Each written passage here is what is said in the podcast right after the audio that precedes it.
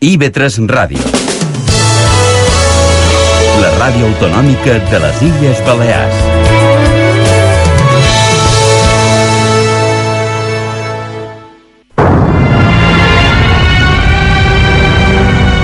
Se le conoce por muchos nombres. Se le teme en muchos lugares. Pero solo hay un poder que pueda liberarlo. Las nueve puertas del reino de las sombras. Solo quedan tres ejemplares. Estoy seguro de que solo uno es auténtico. Quiero saber cuál. Y no se me aparecerá el diablo. No tiene ni idea de su verdadero poder. Hay hombres que fueron quemados vivos solo por atisbar lo que usted está a punto de presenciar.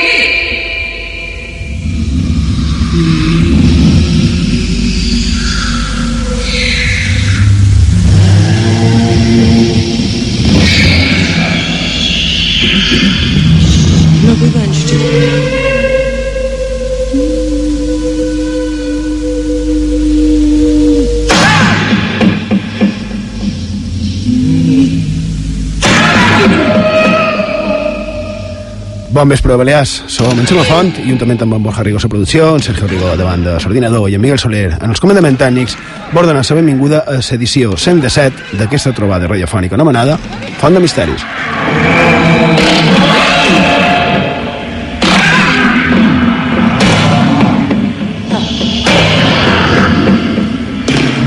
Bé, Jaume Ginart, d'Esports, gràcies per donar-nos pas. Ja estem acostumats i, i ho tenim com a cosa habitual que, que mos prengueu una miqueta de, del nostre temps per, per parlar de, de misteris per fer això que nosaltres anomenem una, una trobada radiofònica setmanal més curta, avui el que sembla que ha guanyat i en bàsquet han perdut bé um, no mos estendrem amb això ja ni mica, així que començam. Uh, Borja Rigo, bon vespre Bon vespre. Avui tenim un tema d'aquells que, que inquieten una, una mica. Sí, a més, a més en aquestes hores inquieta, inquieta encara més, podríem dir. Crec que és un, és un tema que, que no serà indiferent. I a més sense lluna, no?, que, que tenim Sí, sí. avui. Que també està molt relacionada tota aquesta cosa de de la bruixeria, de les fitilleries, de les malediccions, no?, en, en la lluna. Que, per cert, ara, malediccions, ara que, que ho deia, mira, li podríem haver demanat a en Jaume, en Jaume Llinar, que se n'ha anat, a veure si aquest jugador, eh, Naron Ramsey, de l'Arsenal, crec que era, a veure si va ficar qualque gol diumenge passat. És aquell que diuen que té una maledicció que quan fica un gol se mor un famós, no? I aquesta setmana en tenim un altre, un dels creadors, dels fundadors, de l'ànima mater, no?, de, del grup de, de. I doncs sí, eh, va morir fa un parell de dies, com tu dius, un dels fundadors, en Glenn Frey, que, per cert, l'any, així com una mica de tribut, l'any 1977 sonava així.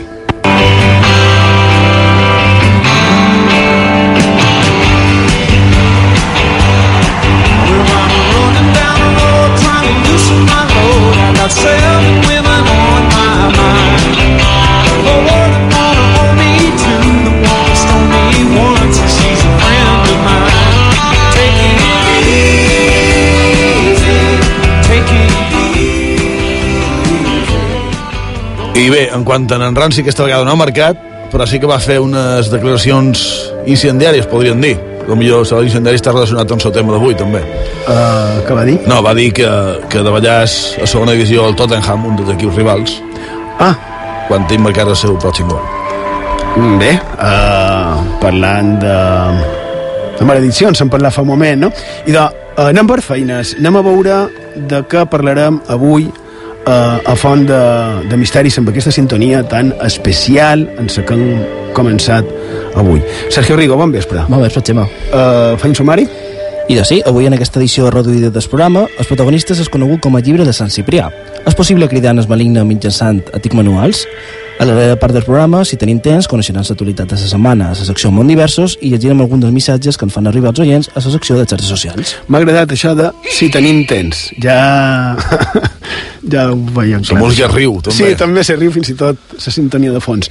I també, quan no, formes de, de contacte, on també ens podeu respondre si penseu que, és, eh, que són possibles no? els pactes amb el dimoni. I en cas afirmatiu, si coneixeu casos relacionats, casos de gent que ha anat a, a cercar pactar amb el conegut com a, com és maligne, no? que, com ha dit en Sergio abans, no? és, és maligne. Però també hi haurà gent que no pensarà que sigui es maligne. Clar, això cadascú. Teniu coneixement de casos aquí, a, a les nostres illes, i si volen posar-se en contacte amb nosaltres, com ho poden fer? I d'això, com sempre, tenim les formes de contacte amb el programa obertes. Ens podeu enviar tot allò que vulgueu, tant a Facebook com a Twitter, cercant Font de Misteris. També podeu fer servir el mail del programa, fontdemisteris arroba ivetresradio.com i el WhatsApp, 659 16 69 52, 659 16 69 52. Per acabar, ja ho sabeu que també ens podeu seguir a Instagram cercant Font de Misteris i Vetres i visitar la nostra plana web, fontdemisteris.com. I també afegir que tenim un canal a iVoox, o iVox, eh? uh, un canal de podcast, crec que cal que diu ja ho hem dit, on podeu descarregar els programes ja, ja emesos, molts ja ho feis. En aquest cas estan des del programa 98 o 99, és d'aquesta quarta temporada, que per cert, sempre ho dic, gràcies, eh, gràcies perquè no ens deixeu de, de sorprendre, molt gratament. Mm, també tenim en el, en el Facebook, en el llibre de ses cares, com de na, na Sandra Llabrés, que per cert, Sandra, eh, te desitjam una molt ràpida recuperació. I de, en el Facebook eh, tenim ja més de 1.370 seguidors. I a iVoox tenim un bon caramull de descàrregues. Moltíssimes gràcies a tots.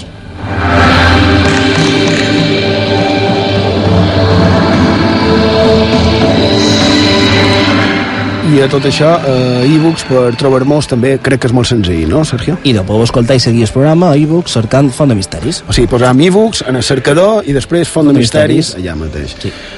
Uh, Miguel, si vols, feim una petita pausa i tot d'una continuem aquí, a IB3 Ràdio.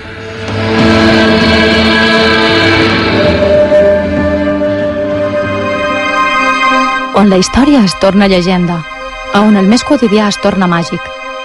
Acompanya'ns a la nostra font de misteris a IB3 Ràdio.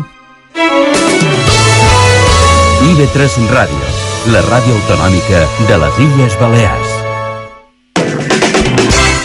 Els capvespres d'IV3 Ràdio són per passar una bona estona i oblidar els problemes quotidians, per rebre l'assessorament de professionals qualificats, per escoltar entrevistes ben interessants. De dilluns a divendres a les 4, això és IB3. IB3 Ràdio. La sents? Arriba a ib3musica.com Tots els continguts musicals d'IV3 Ràdio al teu abast. Amb ib3musica.com et serà més fàcil conèixer les notícies del món musical illenc, l'agenda de concerts i les darreres novetats discogràfiques de les illes. I a més, continguts extras. Les propostes sonores de les Balears no just a la FM, ara també amb Beats. Com vulguis, quan vulguis i on vulguis. ib3musica.com Te sona, sona.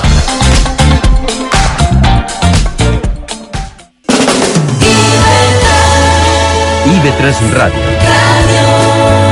La ràdio autonòmica de les Illes Balears.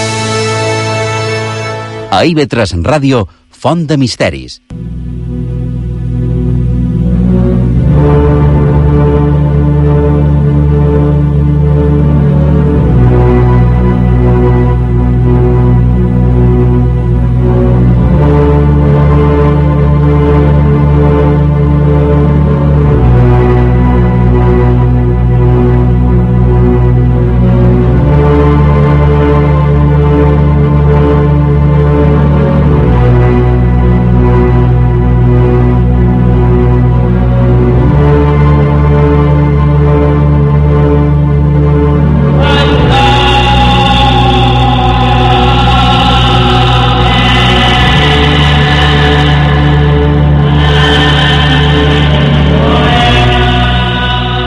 Seguim a Font de Misteris, a la sintonia d'IV3 Ràdio. A Menorca mos podeu escoltar en el 88.6 de la freqüència modulada.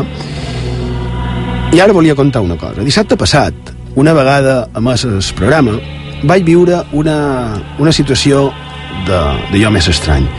Una, una situació que un no, no imagina en absolut que, que l'hagi de passar. No? A veure, man, com ho podríem resumir?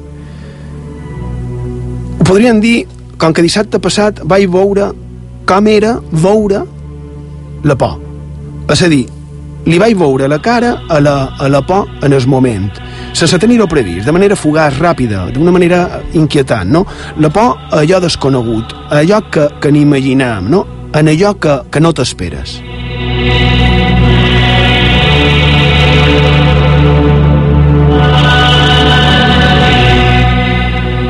Com sol passar i, i com precisament varen comentar també dissabte passat a l'entrevista que per mort del seu llibre li varen fer en... Dissabte passat no, ja fa dos dissabtes. Que li varen fer en José Antonio Roldán i com han dit diverses eh, vegades eh, els testimonis els han de tractar en, en discreció i respecte. No? Per això no puc dir al manco de moment ni on era ni en qui. És el que varen parlar amb en, amb en Roldán per, per el seu llibre no? damunt d'informants de casos sense massa explicació N'hi ha que la tenen, explicació, altres que és més dubtós no? i estrany, però en aquest cas, encara que sense saber realment què era, sí puc dir que vaig veure just en el moment de passar-li, perquè vaig, vaig veure una lota, una, una lota jove, ja dit just en el moment de passar-li un fenomen que podríem classificar de sense massa sentit, no? que això també fa que pensar i reflexionar una mica, que ja si un cas de reflexió la deixaré per sa, per sa acomiadament.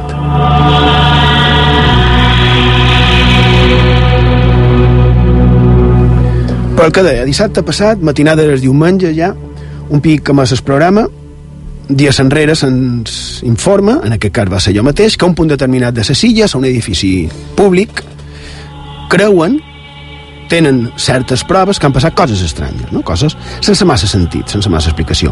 I aquestes coses succeeixen a un punt determinat de l'edifici. No me diuen on, no m'informen de quina part de l'edifici, tampoc ho volia saber, és millor deixar-se dur, i començam a fer-ne, diguem-ne, proves, no? I arribam a la mateixa conclusió que els nostres testimonis. A un punt determinat d'aquell edifici de les nostres illes es produeixen alteracions no? en els aparells electrònics aparells que deixen de funcionar de cop, bateries i piles que es de, descarreguen no? així de sobte, estranys comportaments de, de maquinetes que no tenen per què fallar, però que no se sap per què de cop i volta fallen.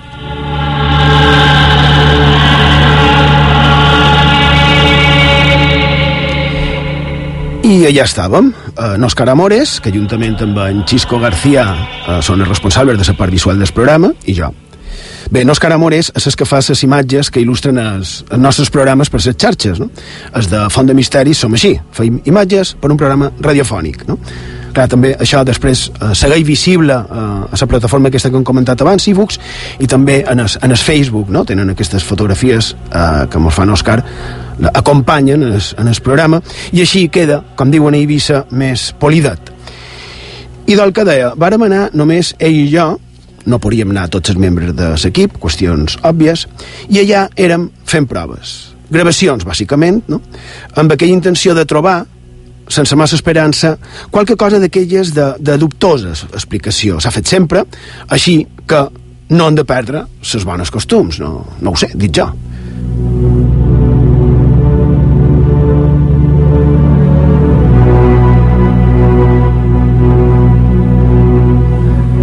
De cop i volta, unes lotes joves que també es trobaven a l'edifici, familiars del personal de seguretat i treballadores, venen corrents en el pis de dalt, on érem Òscar i jo, elles eren en el pis de baix, i me diuen que una d'elles havia vist una mena d'ombra. Una ombra que, que corria, que li va passar per davant i que va fugir, no? Ella, una lota jove, que no, no creu en fenòmens estranys, que no creia en res. De fet, quan Òscar i jo arribàrem, els va fer gràcia que hi anéssim de, de matinada en aquell edifici, perquè, clar, ho veia un, com un contrasentit, no? cosa normal, també, si, si ho pensam en, en coherència.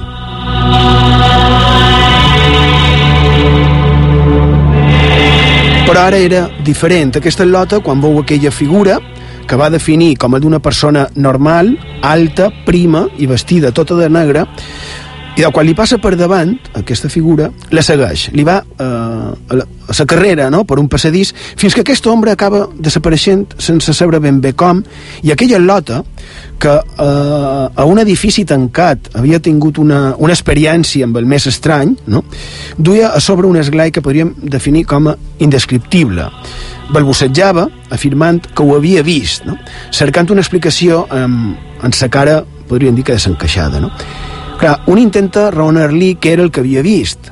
Tractàvem de donar-li una explicació lògica i ella en aquell moment esclata a plorar. Plors que podríem dir com si fossin d'impotència, d'indefensió, d'incredulitat també, no?, per haver-se trobat amb una d'aquelles coses que no tenen, com han dit, massa explicació.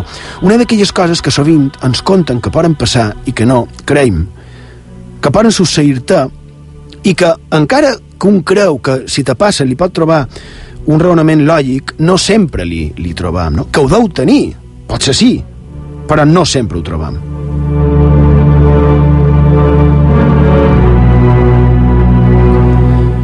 I en aquest cas han de dir que la veritat és que massa explicació no té. A menys que fos un lladre, eh? per la descripció, una ombra negra, alta i prima, que surt no se sap d'on i que comença a córrer per les dependències d'aquell edifici fins que va desaparèixer. Mos ho va definir com una cosa física. No? De fet, una de les seves companyes la va veure córrer a ella, però sense veure, tampoc s'ho esperava, sense veure sombra aquesta, aquesta figura que teòricament anava davant d'ella. Clar, i què era? I, i per què?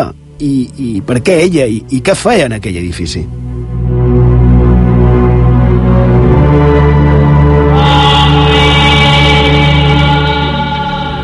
I en aquell cas, aquesta visió, afortunadament sense conseqüències, i aquesta visió no va ser cercada, no? va, va aparèixer una figura, ja dic més bé d'homo, alt prim, robes negres, que es movia ràpida i sigilosament, però en aquest cas, aquella al·lota, que en les seves paraules deia, sempre m'havia rigut d'això, no? I d'aquesta vegada no tan sols no reia, sinó que plorava, perquè ella estava sorpresa, perquè a més tampoc ho havia anat a cercar, no? Ella l'únic que estava fent era estar una estona allà amb les seves companyes, quan el més estrany li va passar talment per davant.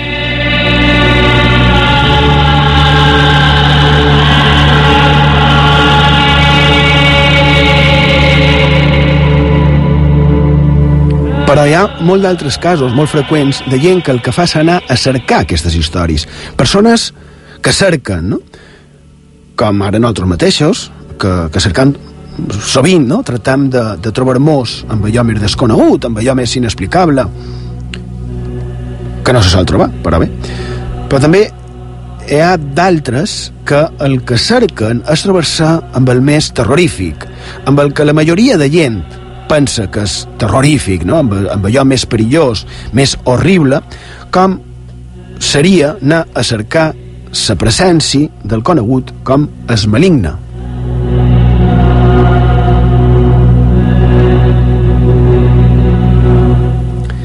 Sí, anar a cercar cara a cara en el diable, en en Satan, en en Llucifer, a l'àngel rebel, l'àngel eh, caigut, els homenats, esperits malignes, que no ho hem de confondre amb el dimoni de Sant Antoni, amb els dimonis de les colles, amb els dimonis dels correfocs, com ara és de, és d'avui mateix, no? Sergio a, a Palma ha començat a les, a les 10, 10 sí, ha començat sí. el correfoc, m'agraden els correfocs, mos agraden els correfocs, crec que en, en el seu dia vàrem parlar una mica, si no ja ho farem, però avui...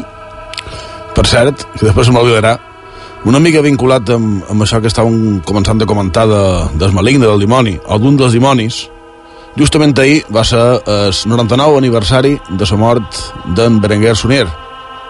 Mm, que vàrem parlar l'altre dia amb l'Isaac eh, Martínez, que, que han de parlar d'ell, 99. Sí. Estaria bé fer, abans del centenari, dedicar-li un temps, no? Perquè, a fi de comptes, aquella terra també està vinculada en la nostra. Um, però avui feien referència a, a un altre tipus de... En aquest cas que tu has dit, millor podria estar també vinculat, eh? però avui feim uh, referència en es, en es maligne, no? Directament en el Satanàs.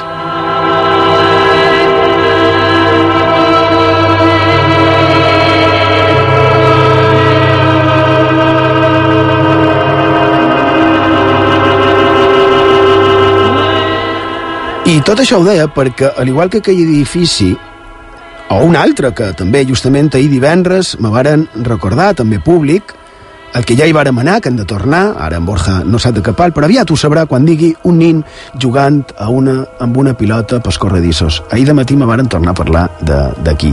I me varen contar una que no se pot dir, que sí se pot, després te la contaré. I de, eh, hi ha un que, que no és un edifici públic, és, és un pis, sembla que és privat, es troba a la plaça d'Espanya, de Palma, no direm on és exactament, al manco fins que els propietaris eh, ens autoritzin eh, a dir-ho, si és que el que diem s'autoritzen. I referit a aquesta vivenda ens han arribat missatges variats i de diferents punts i, de, i, i en diversos mitjans. No? Eh, allò m'ha arribat pues, eh, mitjans el meu Facebook particular, també de paraula, no? el que es deia transmissió oral, no? eh, també per mail en el programa, també per WhatsApp, eh, una casa que podríem denominar encantada, encantada d'encantari, no? d'encís, en el centre de Palma, a la mateixa plaça d'Espanya.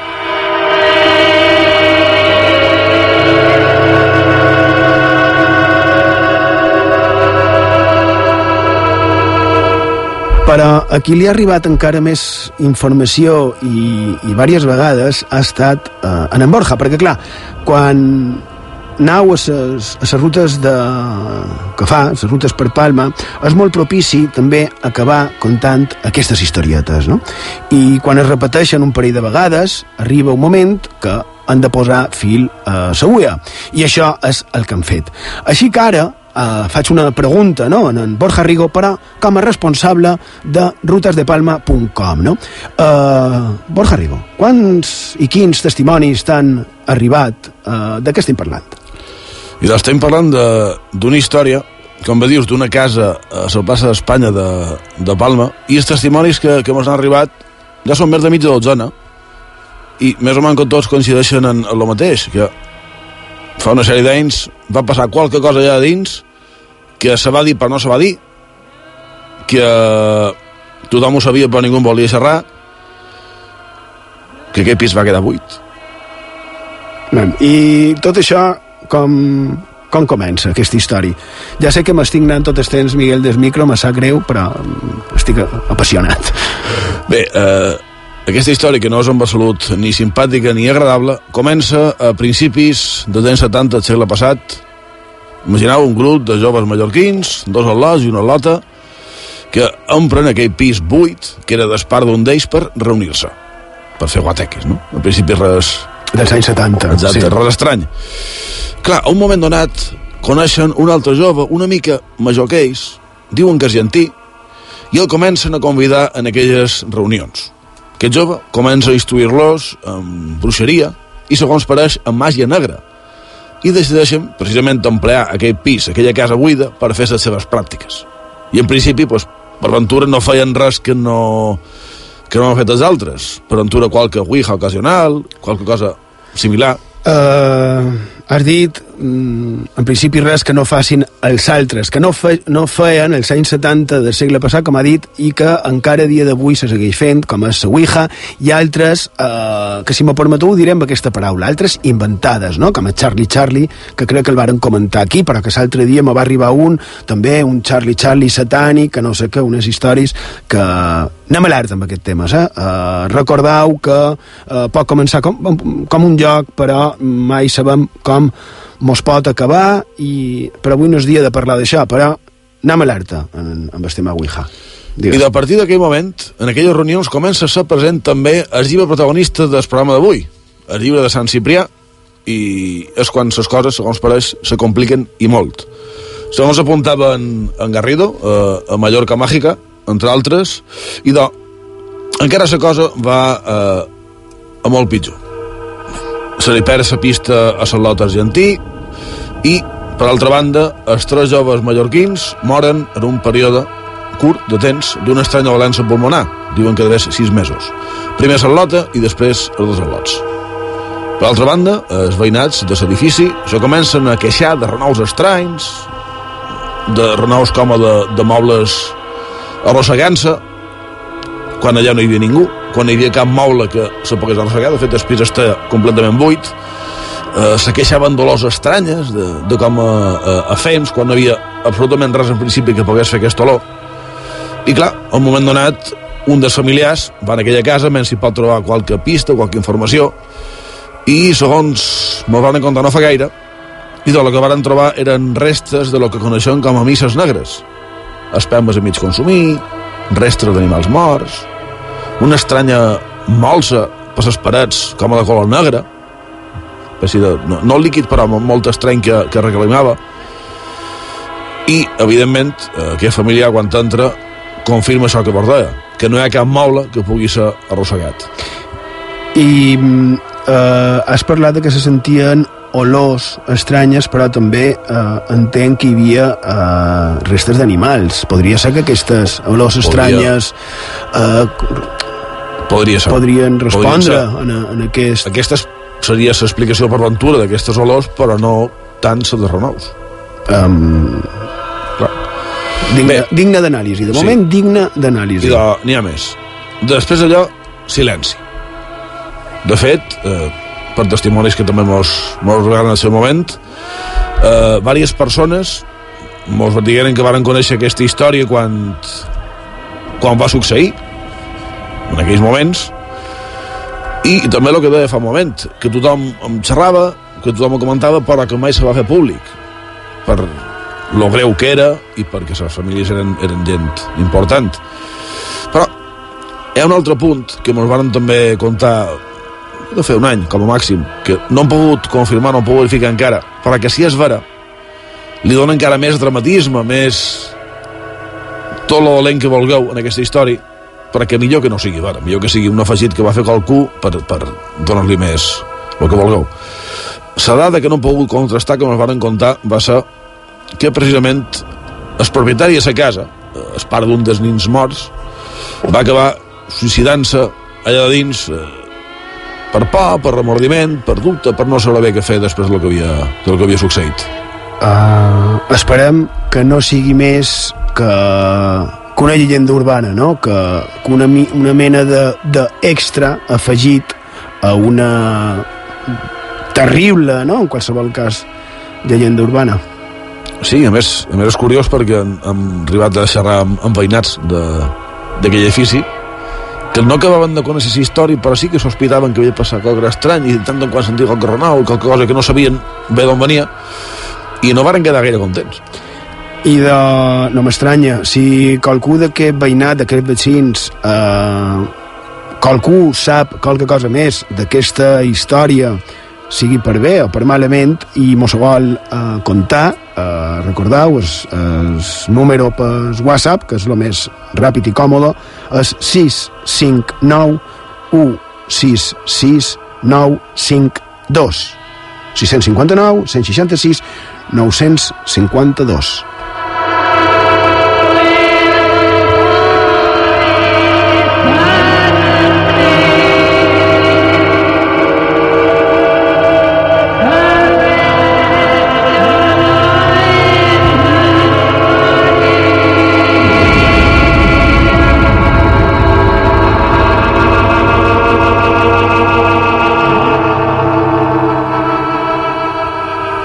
deixen de banda que eh, aquestes invocacions es feien eh, probablement amb un llibre com és que ara tenim eh, aquí damunt la taula. De fet, en tenim un parell. Sí, tenim una, una edició reduïda i una, sí. i una edició completa. Per, sí. Depèn de la necessitat de cadascun. Uh, val.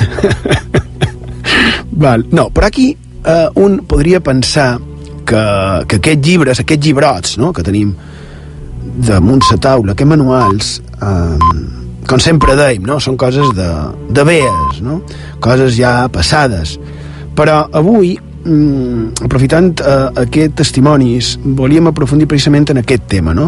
Invocacions satàniques, crides a que es maligni, es maligna, perdó, eh, es presenti, però amb una aparença física, baix uns requeriments i unes fórmules. Penseu que això és possible?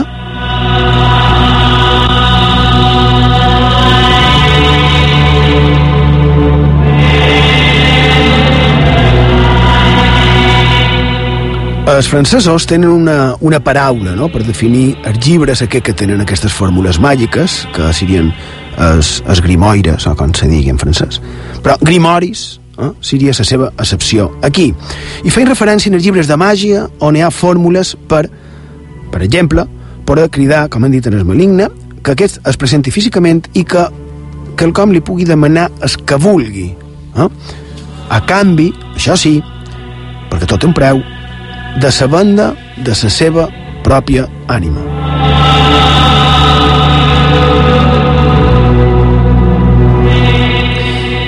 I com sempre un tendeix a pensar que això mos ve de les pel·lícules, no? Com el bocinet que han posat en el principi d'avui, que ho han tret d'una pel·lícula, encara que per jo personalment és el Club Dumas, no? el llibre. Pel·lícules com també podríem dir eh, Es dia de la bèstia, d'en Àlex de la Iglesia, que se va emetre aquesta mateixa setmana, no sé quin, a quin canal era, o d'altres semblants, no? Com una que m'ha mostrat avui, en, eh, avui a la baixa en, en Sergio. I de, no, ja podeu imaginar, si ho deim, que tot això mos ve d'antic, però de molt, molt, molt antic.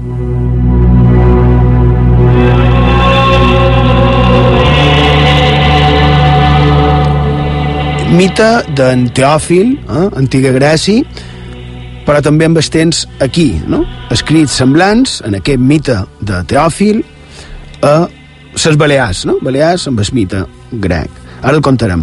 Però a Balears tenim referències escrites ben antigues.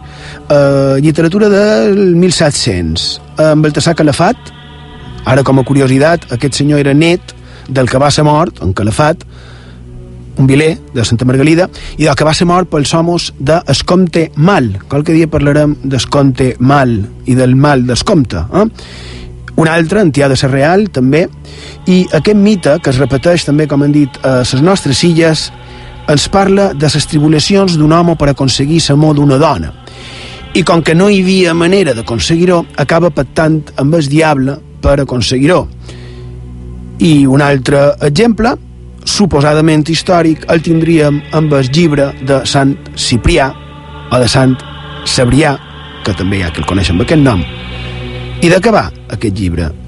Qui era aquell Ciprià o, o Cebrià?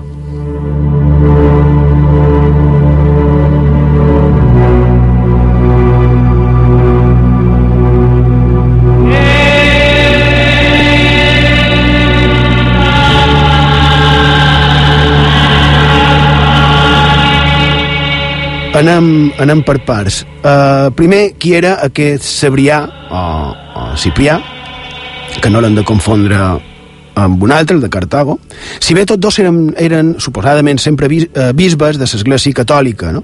Aquestes en que feien referència nosaltres, segons un llibre dels anys 50, una mena d'enciclopèdia de, de Sants, són cinc volums, i en ella es diu molt breument qui era aquest en el que nosaltres estem fent referència.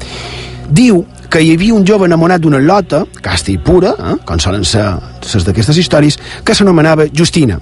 I un, un lot, anomenat Agladio, la volia com a parella però no hi havia manera, no? La lota, fort i no et moguis, que no es deixava convèncer, no? Així que, que ell acudió a las malas artes de un famoso mago nombrado Cipriano, el cual le prometió que al fin triunfaría Empero, como fracasaran todos sus medios, investigó cuál fuera la causa. Després en diu que el motiu pel qual no va funcionar o no van funcionar totes les arts màgiques va ser per la fe d'ella, per la forta i ferma no?, que tenia una Justina, que superava a la del propi diable. Així que finalment aquell home, en Ciprià, es va convertir en el cristianisme, deixant de banda la seva fatilleria i la seva bruixeria fins al punt, eh, aquestes coses, que va ser màrtir i santificat en na Justina, que varen morir, com han dit, martiritzats, l'any 304.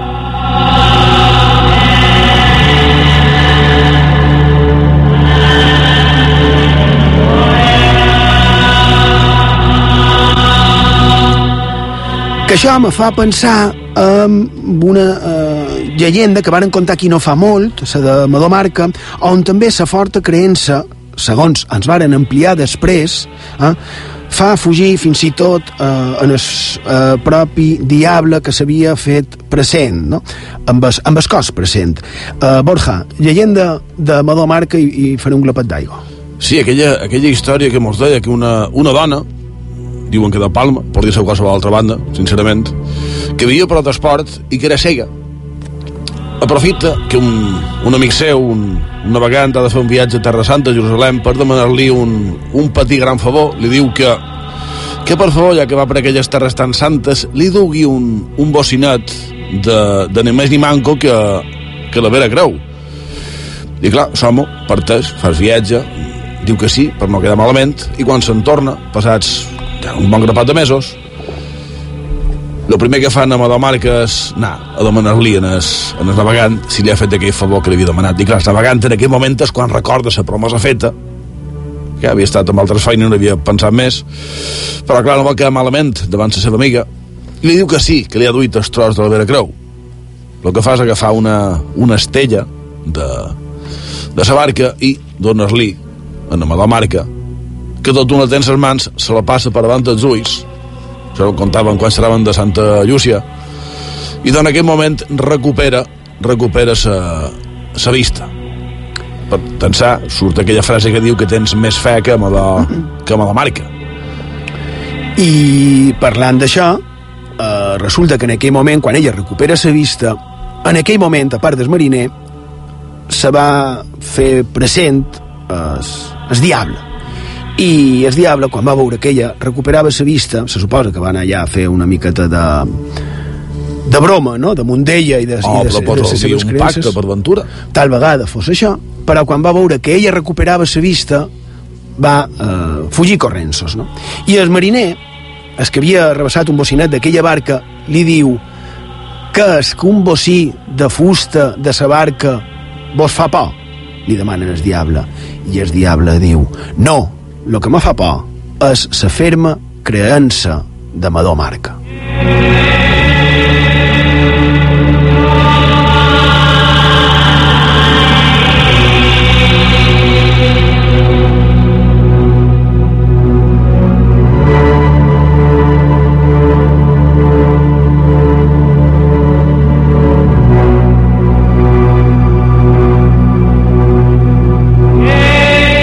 És curiós com l'Església, en el segle XX, el Manco, en aquest volum i altres que he consultat, dissimula la història del que seria un sant. Ho minimitza en, en allò referit en el dimoni. Sí que es queda amb el seu martiri, això sí, però la part del dimoni, anys 50 del segle XX, poca cosa satànica, eh? o sigui, poca cosa eh, luciferina, poca cosa relacionada amb les aparicions del maligne i de les possibles invocacions. Uh, també passa això, m'he fixat, m'ha cridat l'atenció, en planes web uh, on també te parlen de la confusió entre un i l'altre, no? entre Ciprià de els cartaginès o de Cartago i els d'Antioquia, no? Però referit a la sant d'Antioquia, que és el que ens interessa a nosaltres avui, ell, segons un altre llibre, en aquest cas, la llegenda, leyenda de oro para cada dia de l'any, que és un, un recull de suposades vides de santes i de sants i, de, i semblants, i de, ens parla, a l'edició de 1853, volum tercer, diu 26 de setembre, Santos Cipriano i Justina, màrtires, i ens explica una mica el que va succeir, no? semblant a, l'altre, però entrant en més detall referint en els que parlaven de les presències demoníaques. Diu, San Cipriano, el cual siendo mago y nigromántico, armando lazos por mano de los demonios y ministros del infierno. Continua en la qualitat de Sant Lota, que ja hem dit abans, explica la de Sant Lot que la, que la volia de totes totes, i ens diu que tomó Cipriano a su cargo el vencer a Justina y atraerla a la voluntad de Agladio. Convocó los demonios, mandóles lo que habían de hacer, fueron una, dos, tres veces a la santa, asaltáronla y combatiéronla transfigurándose en mil formas i figures. En el final ella pateix, però no cedeix, i en Ciprià, com han dit abans, eh, es, es converteix després eh, en el cristianisme perquè és més fort que la seva màgia, la seva màgia negra, perquè segons ell té més poder. Eh? Sa, sa fe, sa fe, fe en Déu, o en Jesús, que no és propi Satan o els seus enviats. Vos heu fixat en el que hem llegit, amb el que hem dit? Dimonis enviats per un home a una al·lota. Li fan mil i una i ella segueix en la seva fe i la seva voluntat de no caure i ell, com veu que no pot contra aquella força, decideix deixar les sars del maligne per convertir-se en el cristianisme. Jo ho trob increïble.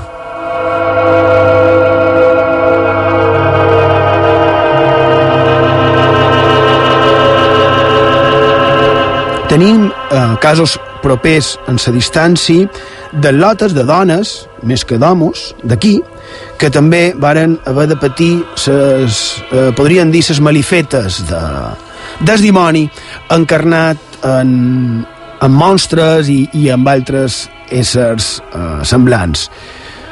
És a dir, no només passava sempre suposadament això a la Antioquia de fa 1.700 anys, sinó que també aquí, a les nostres illes, històries molt semblants. Uh, Borja, fa res, 300 i pico d'anys. Sí, no fa, no fa gaire. Uh, D'on un bon grapat d'històries fascinants tenim, per exemple, la dona Sor Maria Dionísia Bernarda, monja caputxina de Palma, cofundadora del convent a la segona meitat del segle XVII. Uh, la vida prodigiosa i ejemplar de la venerable Madre Sor Maria Dionisia Bernarda, escrit per Tomàs Cifra l'any 1796, mos conta diversos episodis que va patir aquesta dona amb el dimoni. Diverses trobades, no per dir-lo ella mateixa, sinó perquè ell volia fer-li, segons pareix, la vida impossible. Per exemple, pàgina 365 mos diu que Bajaba una vez la venerable Madre Dionisa por una escalera con la venerable Madre Fundadora Sor Clara María y le dieron tan fuerte empellón que la precipitaron de arriba abajo. Asustada, la madre Clara María prorrumpió diciendo, Ah, traidor, que me la has pegada. Mas la madre Dionisia, aunque obligada a hacer cama por las descalabraduras y movimientos de su cuerpo, ocasionados de la rabiosa malicia del demonio, se quedó riendo y dando gracias a Dios. Asimismo la encontró en su celda, en otra ocasión, cierta religiosa, y extrañando verla reír muy fuertemente, le preguntó la causa de estar tan gozosa y risueña. Los capitales enemigos, respondió la venerable madre, han tomado por los pies, me han tomado por los pies, y que con todo el cuerpo me han estrellado contra la pared. Imagineu, raya de que el dimoni l'havia agafat i l'havia pegat cos contra la paret. Devia estar tota contenta perquè així a lo millor l'anomenaven màrtir també. No, no, no s'anomena màrtir, no? Se, se designa o se, no sé. És, una cosa ben estranya. Diu, habíale dado el señor tal señorío y superioridad sobre esa vil canalla del abismo, que se burlaba y reía de todos sus embustes, astucias e invasiones, porque bien segura estaba que todos los demonios eran unos esclavos atados a las cadenas del divino poder, que nada podían hacer, sino solamente lo que les permitía el gran Dios, su esposo.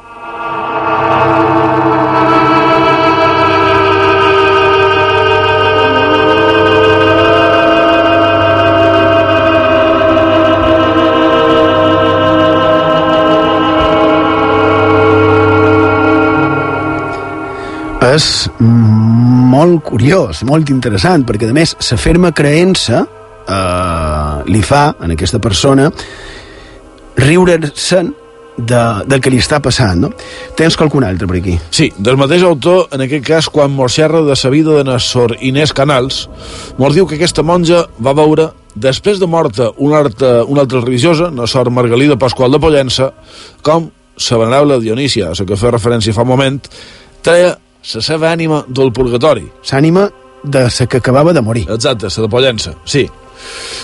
I no només això, sinó que com només havien passat de vés 30 hores d'ençà la mort de la Pollencina, el dimoni se va enfadar molt i va compareixer dins el convent per pegar-li foc a la cel·la de la monja morta. Mm, tot això està recollit eh, en els llibres que tenim aquí, a les biblioteques de, de les nostres illes, igual que nosaltres ho hem pogut trobar qualsevol altra. N'hi ha moltes més, però... Sí, de fet, de fet com, a, com a punt, només en els convent de les caputxines de Palma no en dir molt que Miguel mos ha dit que hem de passar. No, només dic de que, que en quant a aparicions del dimoni, a diferents monges en podrien contar més de 20. Sí, per això, no, però no mos estendrem massa avui. És que avui volíem fer el programa dedicat només en el llibre de, de, Sant, de Sant Ciprià. I són i quart. Uh, ja anem, anem fatal. Miguel, sí, ben, quan vulguis. Font de Misteris, amb Xema Font. IB3 Ràdio.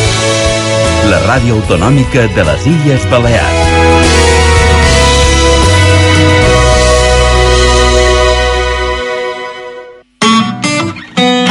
Música se sent, es comenta, es compara, es punxa, es digitalitza, es balla, es veu, se segueix, s'odia, se silencia, se socialitza, es comparteix, s'estima, es recorda, s'oblida, es descobreix, s'investiga, s'estudia, s'escriu, s'esborra, s'enregistra, es toca, s'interpreta...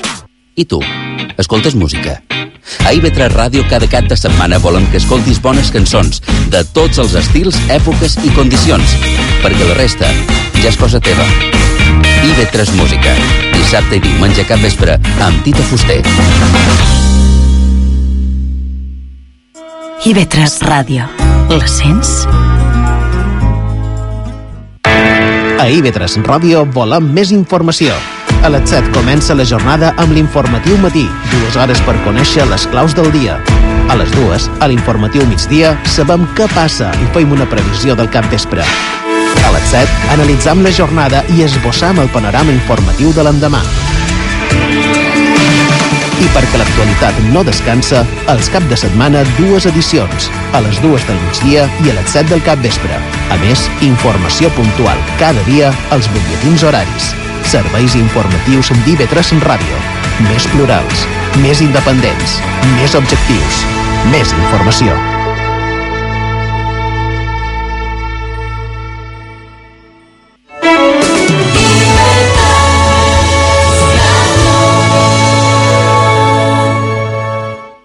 A IB3 Ràdio, Font de Misteris.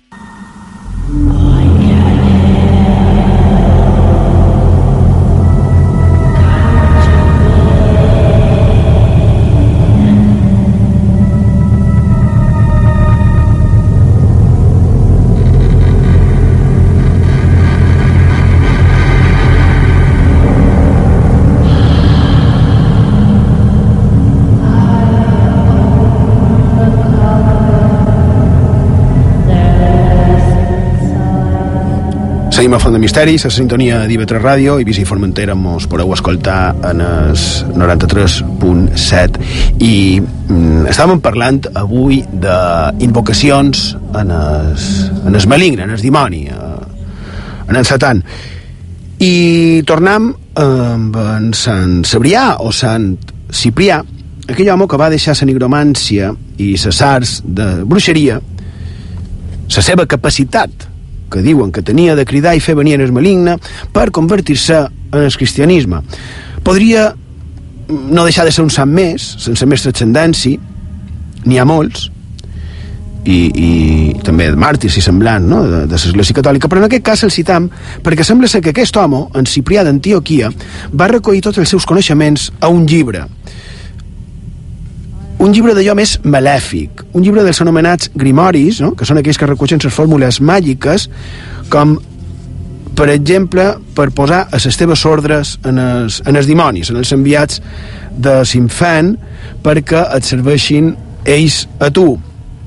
Tot això està recollit eh, amb aquest llibre que suposadament li va entregar el propi Satanàs, que el tenim aquí, el tenim aquí damunt sa taula es titula El libro de San Cipriano.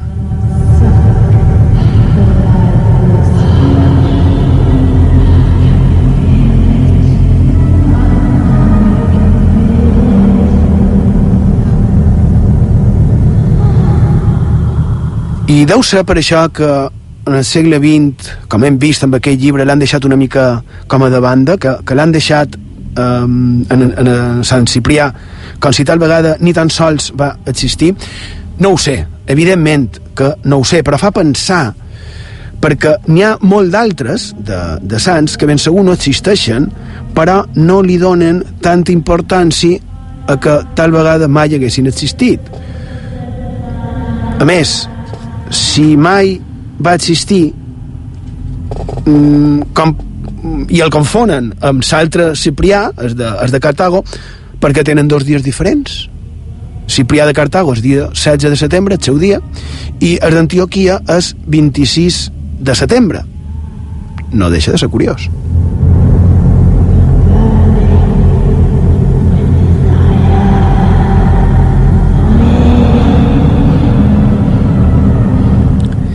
Clar, després està la prevalença d'un uh, o un altre autor o personatge.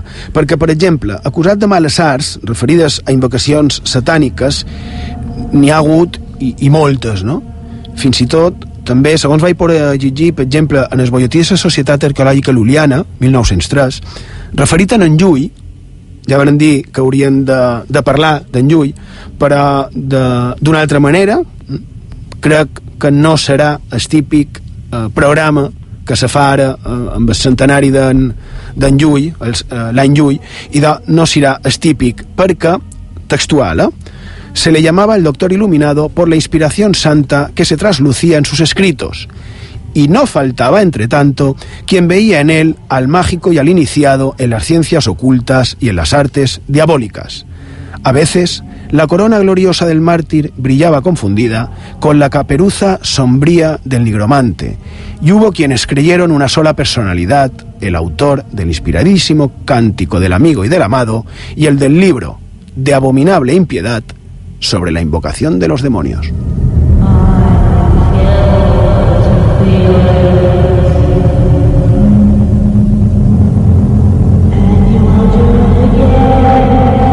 No és moment ara de parlar de si és cert o no que en Llull, en Ramon Llull, sigui l'autor d'aquell llibre d'invocació de, de, de dimonis, ni el per què li arribaren a atribuir a ell eh, aquell escrit en qüestió, no?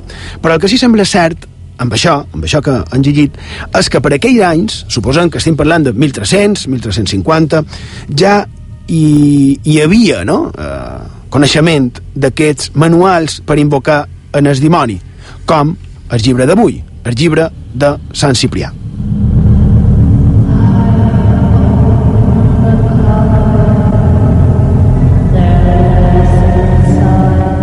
I com era eh, aquest llibre? Com és aquest llibre? Perquè el tenim aquí. Sí, de fet el tenc, el tenc a tres mans. És Tens el meu, eh? Sí, tinc, tinc el teu, que m'agrada més que el meu.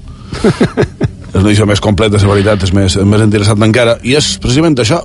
De vellut negre. De vellut negre, com ha de ser. Com ha de ser. Així s'embruta més. és, és, un, és un grimori, com, com bé eh, has dit, és a dir, un manual de màgia negra.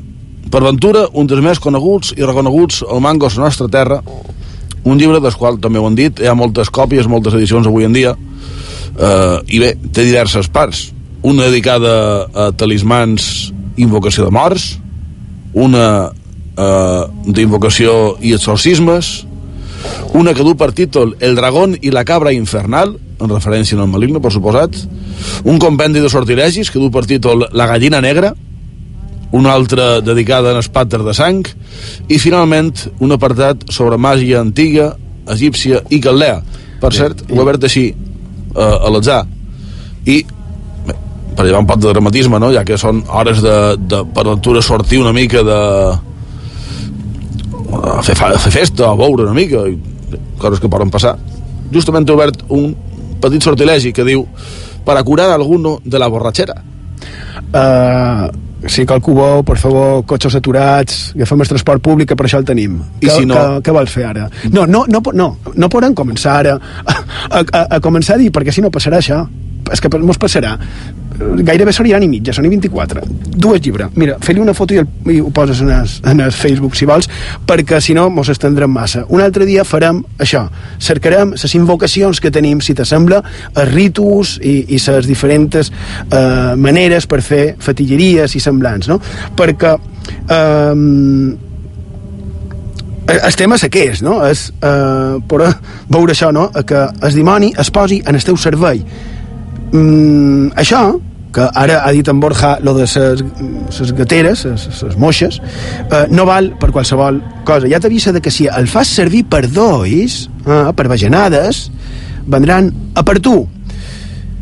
Els dimonis. Els dimonis vendran a per tu. Encara que te convida el propi llibre a fer experiments i per això te diu eh, com fer-ho ja dic que a les Balears ho tenim una mica difícil per fer-lo funcionar, perquè com, per començar una de les coses bàsiques és poder fer parts rituals a prop d'un riu i que dugui aigua transparenta.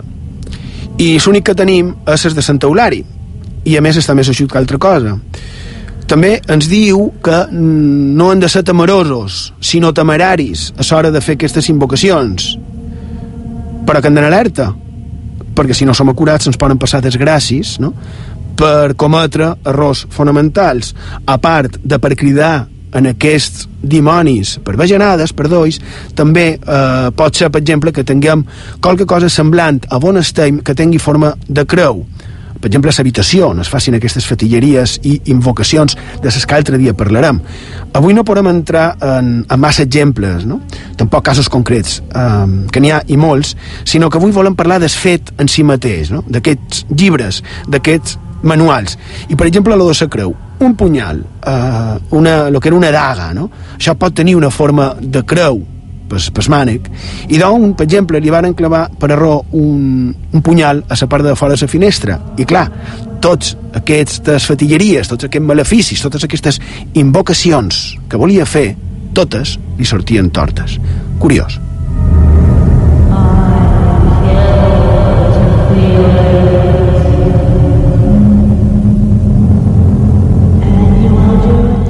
Deixa clar també el llibre que un ho ha de fer molt seriosament, amb dedicació i atenció, que s'ha de mantenir en secret, que s'ha d'estudiar molt i que no és fàcil arribar a aconseguir-ho. I la veritat, quan un ho llegeix, és que fàcil no és. Per exemple, per signar els pactes fa falta tinta, eh? perquè diu que no es pot signar amb una tinta normal i que cada vegada que se fa una, una crida, una invocació, un pacte, s'ha de modificar aquesta tinta i s'ha de modificar, s'ha de, de baratar per una altra nova. I com s'aconsegueix la tinta? I d'ara explicaré per què dic lo de, lo de la tinta, perquè fixeu-vos bé, eh? si voleu aconseguir pactar amb en Satanàs, parau atenció, llegeixo textual. Pondréis, pues, en un puchero nuevo agua de río y los polvos que voy a describiros. Tomad huesos de albérchigo, segons on a Supercoc i segons on és una casta de melicotó. Així que començam bé, perquè juntament amb aigua de riu, com han comentat cada sa clara, ja ho tenim més difícil. Uh, seguim. Bé, els pinyols han de ser sense llevar-li la ametlla. Ponedlos al fuego para reducirlos a carbones bien quemados. Después, cuando ya estén muy negros, los apartaréis del fuego, los haréis polvo, los mezclaréis a una cantidad igual de hollín de chimenea, les añadiréis el doble de nueces de agalla, que es un tipus d'arbre, el cuadruplo de goma arábiga y pasados Pasado dichos polvos, bien revueltos por un pedazo muy tupido, los coceréis en el agua de río que se ha indicado. I afegeix que amb això tenim una tinta normal. Eh? Ara, fins aquí és normal. Ara ve lo següent carbons de Falguera agafada la nit de Sant Joan. Curiós també, no? Perquè això també està molt relacionat en, en Sant Eulari de Riu i Espam Vell, on també tenim una presència del malign. Això me va cridar molt l'atenció. Digne d'anàlisis, un altre dia. Uh, afegeix, carbón de sarmiento cortado en la luna llena de marzo s'ha de mesclar i fer coure cinc vespres seguits i cada nit, abans de començar a coure-ho, s'han d'invocar en els esperits. I un, un pic fet tot això s'espondrà de noche al aire libre de modo que los rayos de la luna en menguante caigan sobre la tinta i la impregnen de su virtut màgica. I se suposa que amb això ja estiria. Bé, no bastaria perquè s'haurien d'afegir eh, sang des dit de mig de sa mà esquerra que s'ha de treure amb una ulla que sigui nova.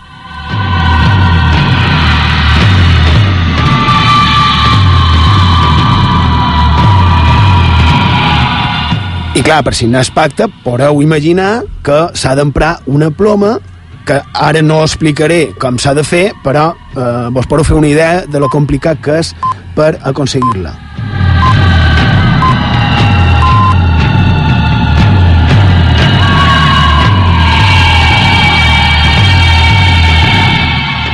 només l'esforç per aconseguir la tinta ja fa que un desisteixi, no? Uh, supos que és la pretensió, precisament, però en tantes puntualitzacions perquè això només és per, per obtenir la tinta, no? Però en tantes punyeteries sempre ten justificació perquè no funcioni.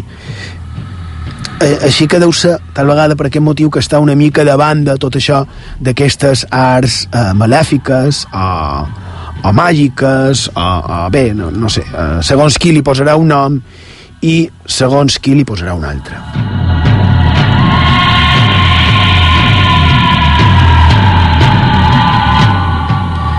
Perquè, clar, coses que es poden aconseguir amb aquest llibre, segons ells, clar, serien eh, poder aconseguir que una persona t'estimi per sempre. Ja vos dic que això és impossible, això un s'ho ha de guanyar dia a dia, aquí no valen encisos, però referit en això seria... Eh, d'aconseguir que una persona t'estimi, no? Seria tipus rituals que també tenim a les illes, no? Com figures de plom dins ribelles eh, d'aigua, ja, ja ho contarem.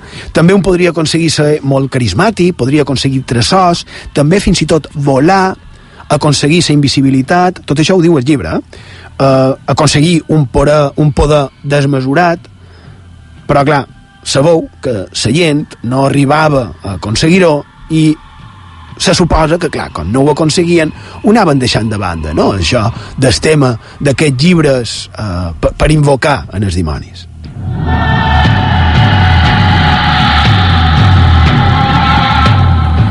I de no, un dels motius va ser el de sempre, persecució, manca de llibertat, prohibició de llibres.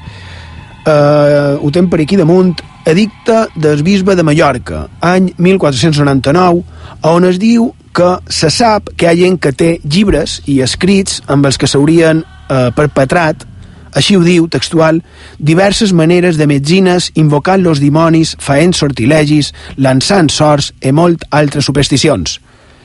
I diu, també, que saben que hi ha gent que té els llibres aquests, no? Que saben que, que el tenen, o bé d'altres que sí saben d'un tercer que el pugui tenir, i que si no s'entreguen, cauran, com a mínim, en, en excomunió, any 1499.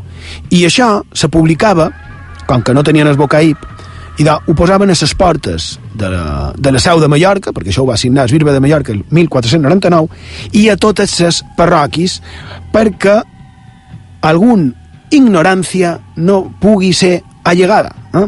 Han passat 500 anys i sovint pens que no hem avançat gaire.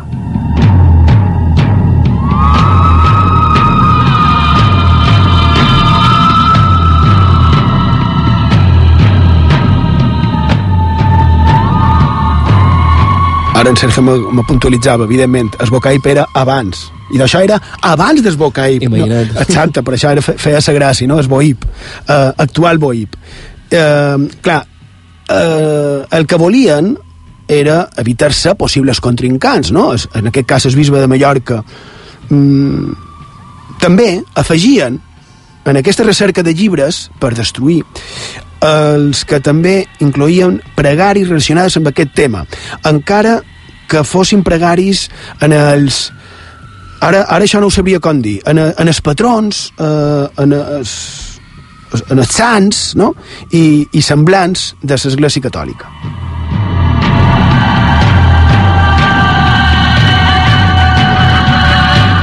Com per exemple pregaris com aquesta, també textual. Oració dels gloriosos màrtirs Sant Ciprià i Santa Justina, amb el sostítol de per a que guarda a tot bon cristià d'encisos i llassaments i de tota mala persona. Això és de l'any 1845. Ciprià, màrtir sagrat, abans que no confessàreu a Cristo crucificat, als dimonis invocàreu. Vence Justina, pensàreu en son infernal favor. Ciprià i Vèrgia Justina, pregau per nos el Senyor. És a dir, oracions per alliberar-se dels demonis. Alliberar-se d'haver fet invocacions en el dimoni. I encara n'hi ha més, i més curioses, que dit jo, només és un pensament en veu alta. Si hi ha tanta cosa al darrere de tot aquest tema, serà per qualque cosa, no?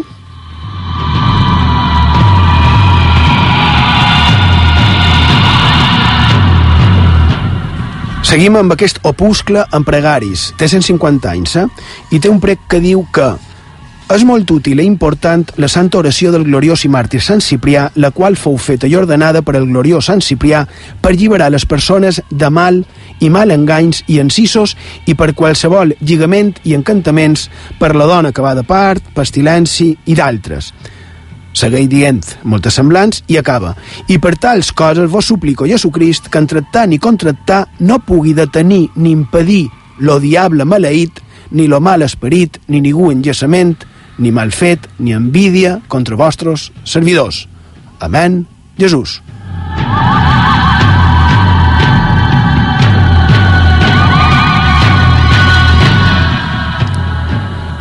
Uh, sí, la música que estem escoltant de fons uh, és precisament música per fer invocacions en el dimoni, però bé, nosaltres estem fent ses pregaris. D'un disc d'una banda noruega que va publicar l'any 1995 i a més suposadament gravat a uh, edificis abandonats i a cementiris i llocs semblants. I de, podrien seguir en ses plegaris, n'hi ha més, no?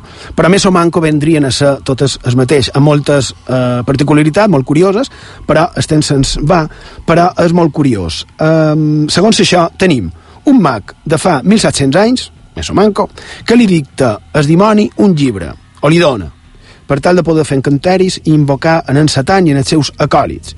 Després, aquest home es converteix en el cristianisme i fa oracions per tal de lluitar contra el seu propi llibre. Els de Hollywood estic segur que no la coneixen, aquesta història, perquè si no, això ho veuríem en els cinemes. Estic segur.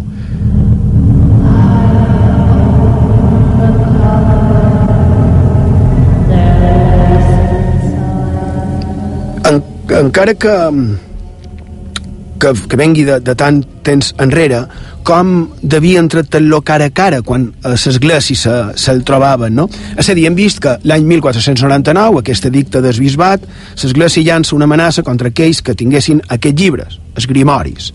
Però què passava si, si un deia tenir trates amb el dimoni? I de, um, fent referència a trates de vendre ànima i semblants, Aquí tenim un cas que no sé fins quin punt podria ser o no exemple, seria el d'un xueta, així surt a la seva causa, segle XVIII, Bartomeu Aguiló, 1744, i aquest bon home es presenta davant de l'inquisidor per dir-li que havia venut ell mateix s'ànima en el diable per aconseguir una dona, i que la dona passava d'ell, però que ell, Fortino Moguis, havia fet un tracte amb el maligne, li havia venut s'ànima i se'n sortiria. I què va fer l'Inquisició? I de l'Inquisidor, 1744, Antonio Pellegrín, asnomía, va dir y considerando que todo lo expresado procedía de la flaqueza de cabeza del declarante y de algunos escrúpulos, fue despachado.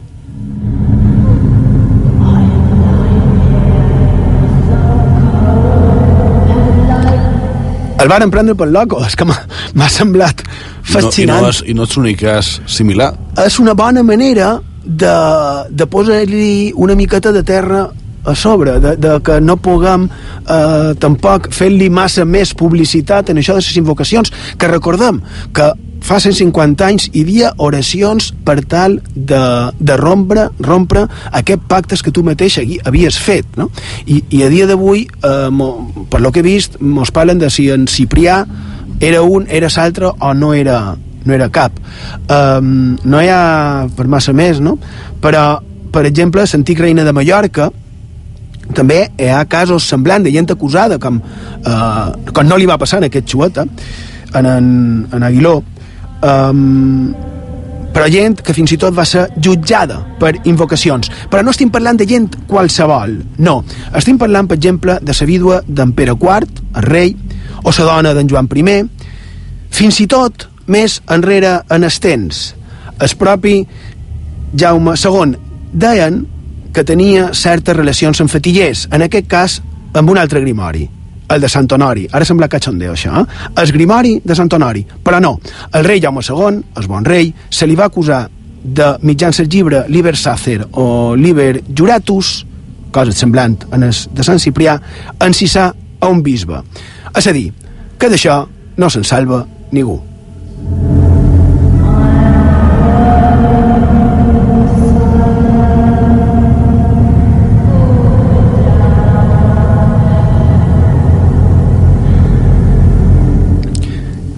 Feim la darrera pausa, mos queden res, 20 minutets i tot d'una continuem aquí, a Font de Misteris, a IB3 Ràdio.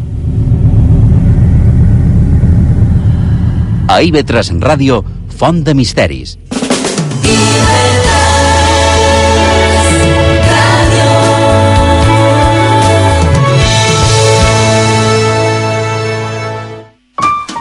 Maria, s'ha acabat ja. En temes sexuals han de ser clars i no mos han d'amagar, eh? Ai, Joaquim, saps que n'hi ha desconeixements i no te pots fer una idea dels mites falsos que encara mos envolten. I de no pot ser, les coses s'han d'explicar i s'han de tractar. Han de dir adeu en aquest oscurantisme. No passis pena, tens la solució. Perquè la sexualitat és una part important de la vida, la tractam de forma clara a No apaguis el llum. Els dissabtes a mitjanit a IB3 Ràdio, amb Maria Ribo i Joan Guillem Jaume. IB3 Ràdio, la ràdio autonòmica de les Illes Balears.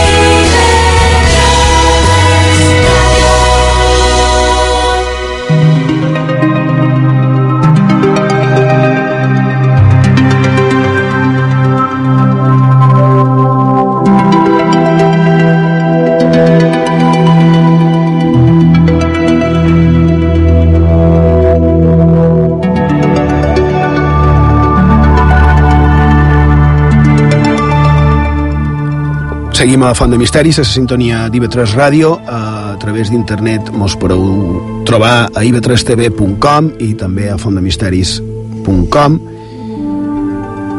Mm, ens han quedat abans moltes coses eh, per dir, eh?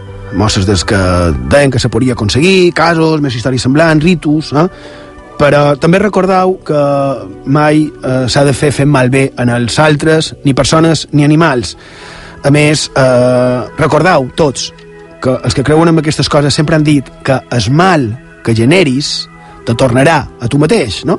I si vols fer experiments, els fas o bé tot solet o en gaseosa.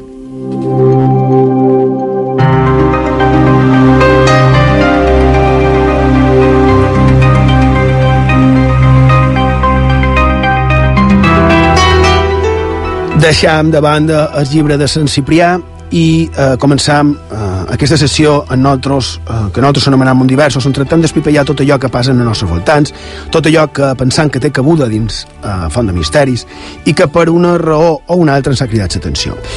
I de, primer de tot, eh, vull fer-me ressò de que eh, el fons cultural, bibliogràfic, etc de l'editorial Moll ha trobat eh, com fer-ho per poder sobreviure i poder seguir eh, a l'abast de tothom. Fa un temps, parlant precisament amb en, amb en Moll, amb en Francesc Moll, abans de, de la definitiva suspensió de pagaments i això, estàvem en el seu despatx i varen comentar, entre d'altres coses, de com s'havia fet eh, el seu pare i, i, els, que li, i els seus col·laboradors per poder fer el Diccionari Català-Valencià-Balear, una obra mestra, no? I me va comentar que tenia d'haver un milió de, de fitxes, de fitxes de paper fetes a mà, no? I només això ocupa moltíssim d'espai i, i un se fa càrrec, no?, i perdre tot això. I a més, si afegim els més de 350.000 llibres, més els drets d'edició, etc. I doncs, sembla que s'ha arribat a un acord que qualcú ha trobat la eh, manera per salvar tot això i per tant també les rondalles sembla fins i tot que ara el professor Grimal crec que serà que fa poc ens va contar un parell de rondalles aquí a Font de Misteris i doncs, el professor Grimal farà una edició crítica l'ho dit, que personalment eh, estic i estem molt contents de que es pugui mantenir i seguir donant difusió en el patrimoni cultural i etnogràfic de, de l'editorial Moll i si, a més, eh, tornen a publicar aquells llibres indispensables per als seurits, bé, d'així ja estem contents que ni vos imagineu. Eh, enhorabona.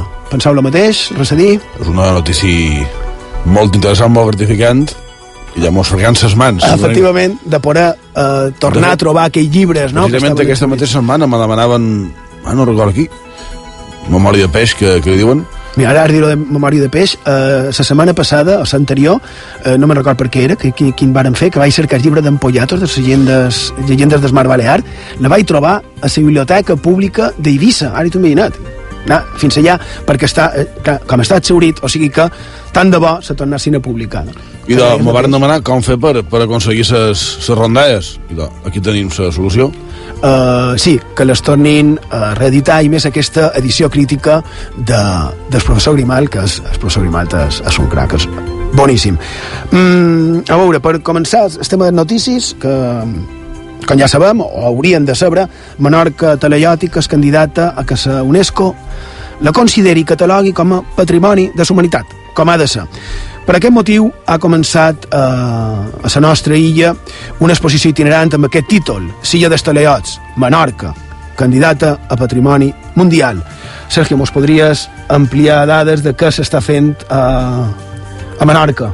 I dels detalls de l'exposició, segons ens han dit a la plana web del Consell de Menorca, l'exposició té com a objectiu central apropar als menorquins i visitants el coneixement dels valors universals de la prehistòria de Menorca a la ciutadania, així com el per què i el com de la candidatura a Patrimoni Mundial de la Menorca Talaiòtica. Per altra banda, amb aquesta mostra dedicada a l'arqueologia de Menorca i a la candidatura al Patrimoni Mundial, s'aprofita per obrir al públic la planta baixa del Museu de Menorca, un cop finalitzada la primera fase de rehabilitació de la institució museística.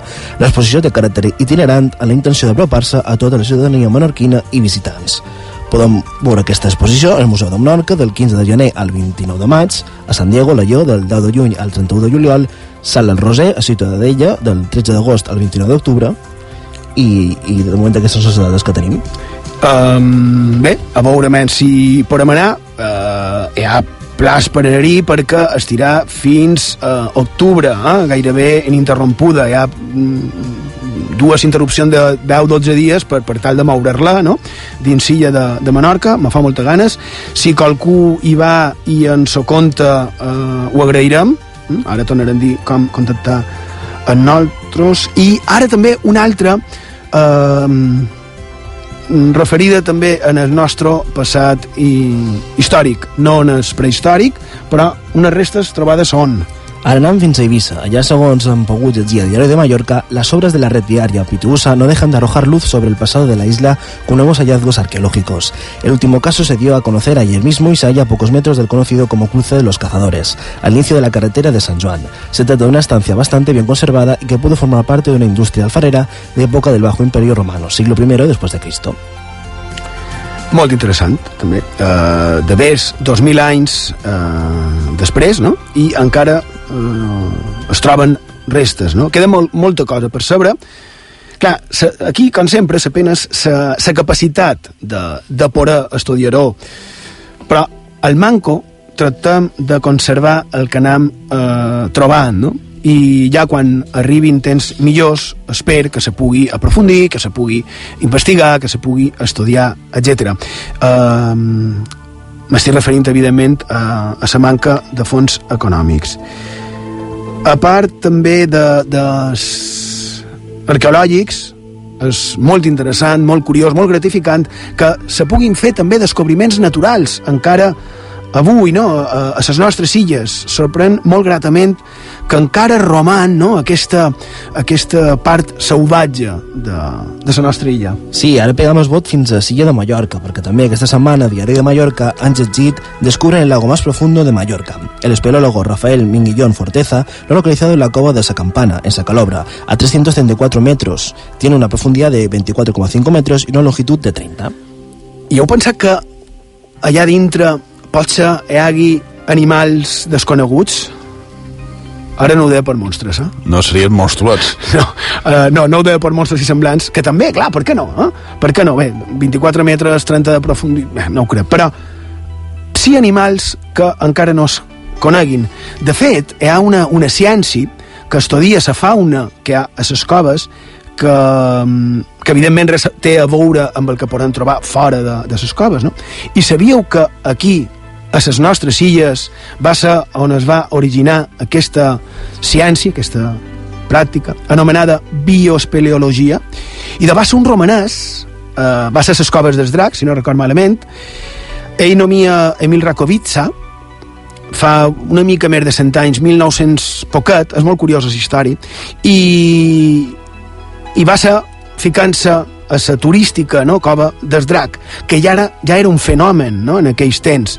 Un dia d'aquests ho, ho contarem que, que es trobaren, que pensaven i com ho vivíem. A IB3 Ràdio, Font de Misteris.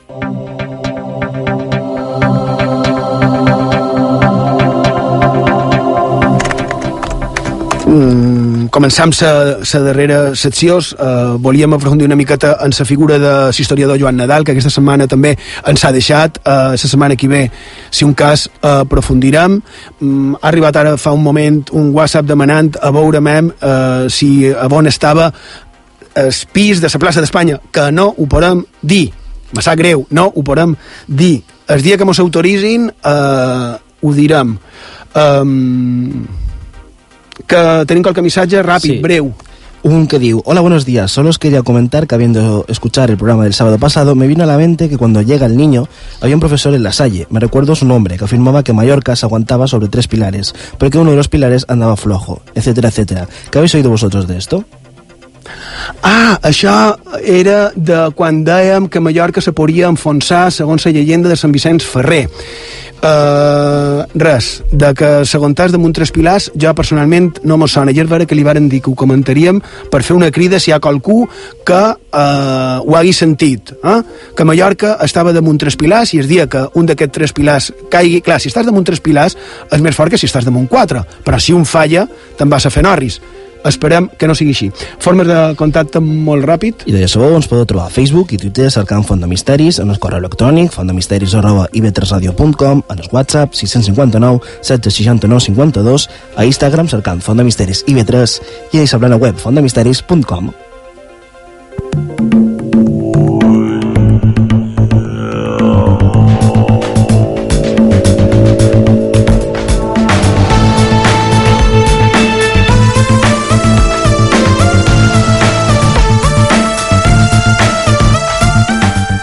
hem arribat a la fi del programa d'avui i esperem que hagueu passat una estona agradable i que hagueu pogut treure qualque cosa de profit d'aquesta font de misteris.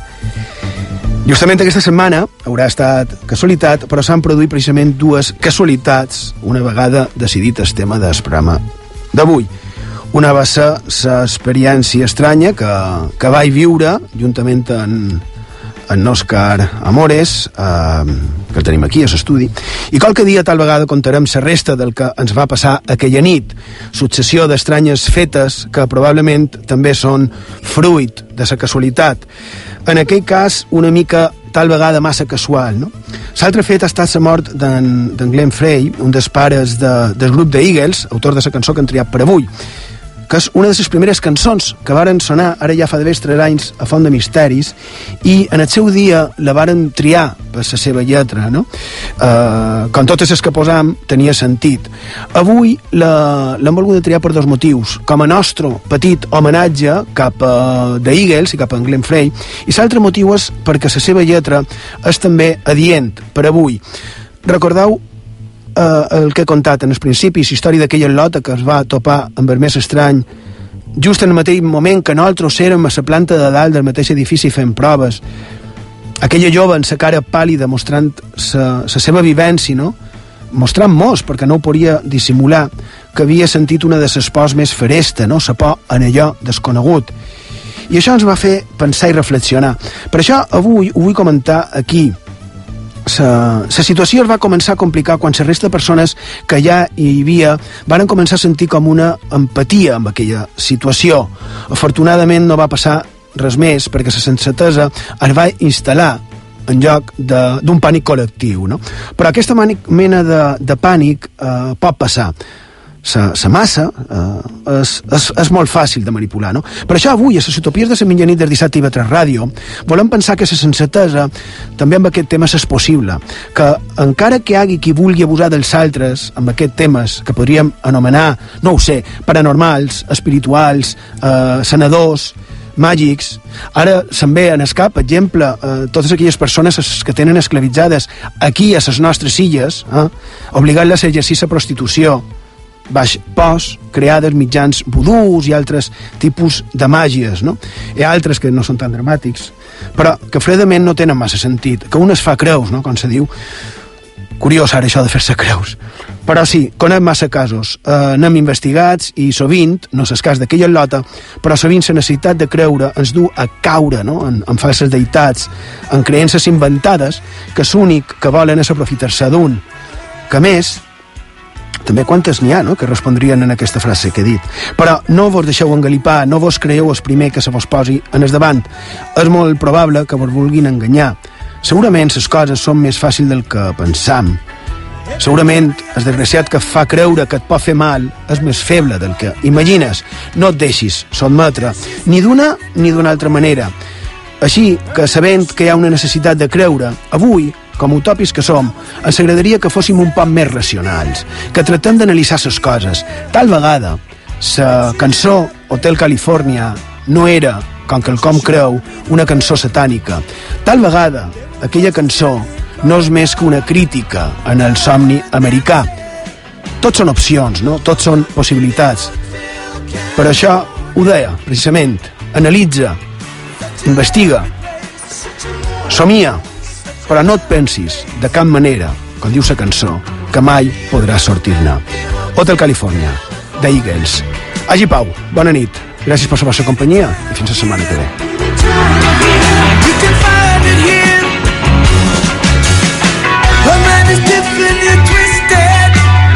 She got the a lot of.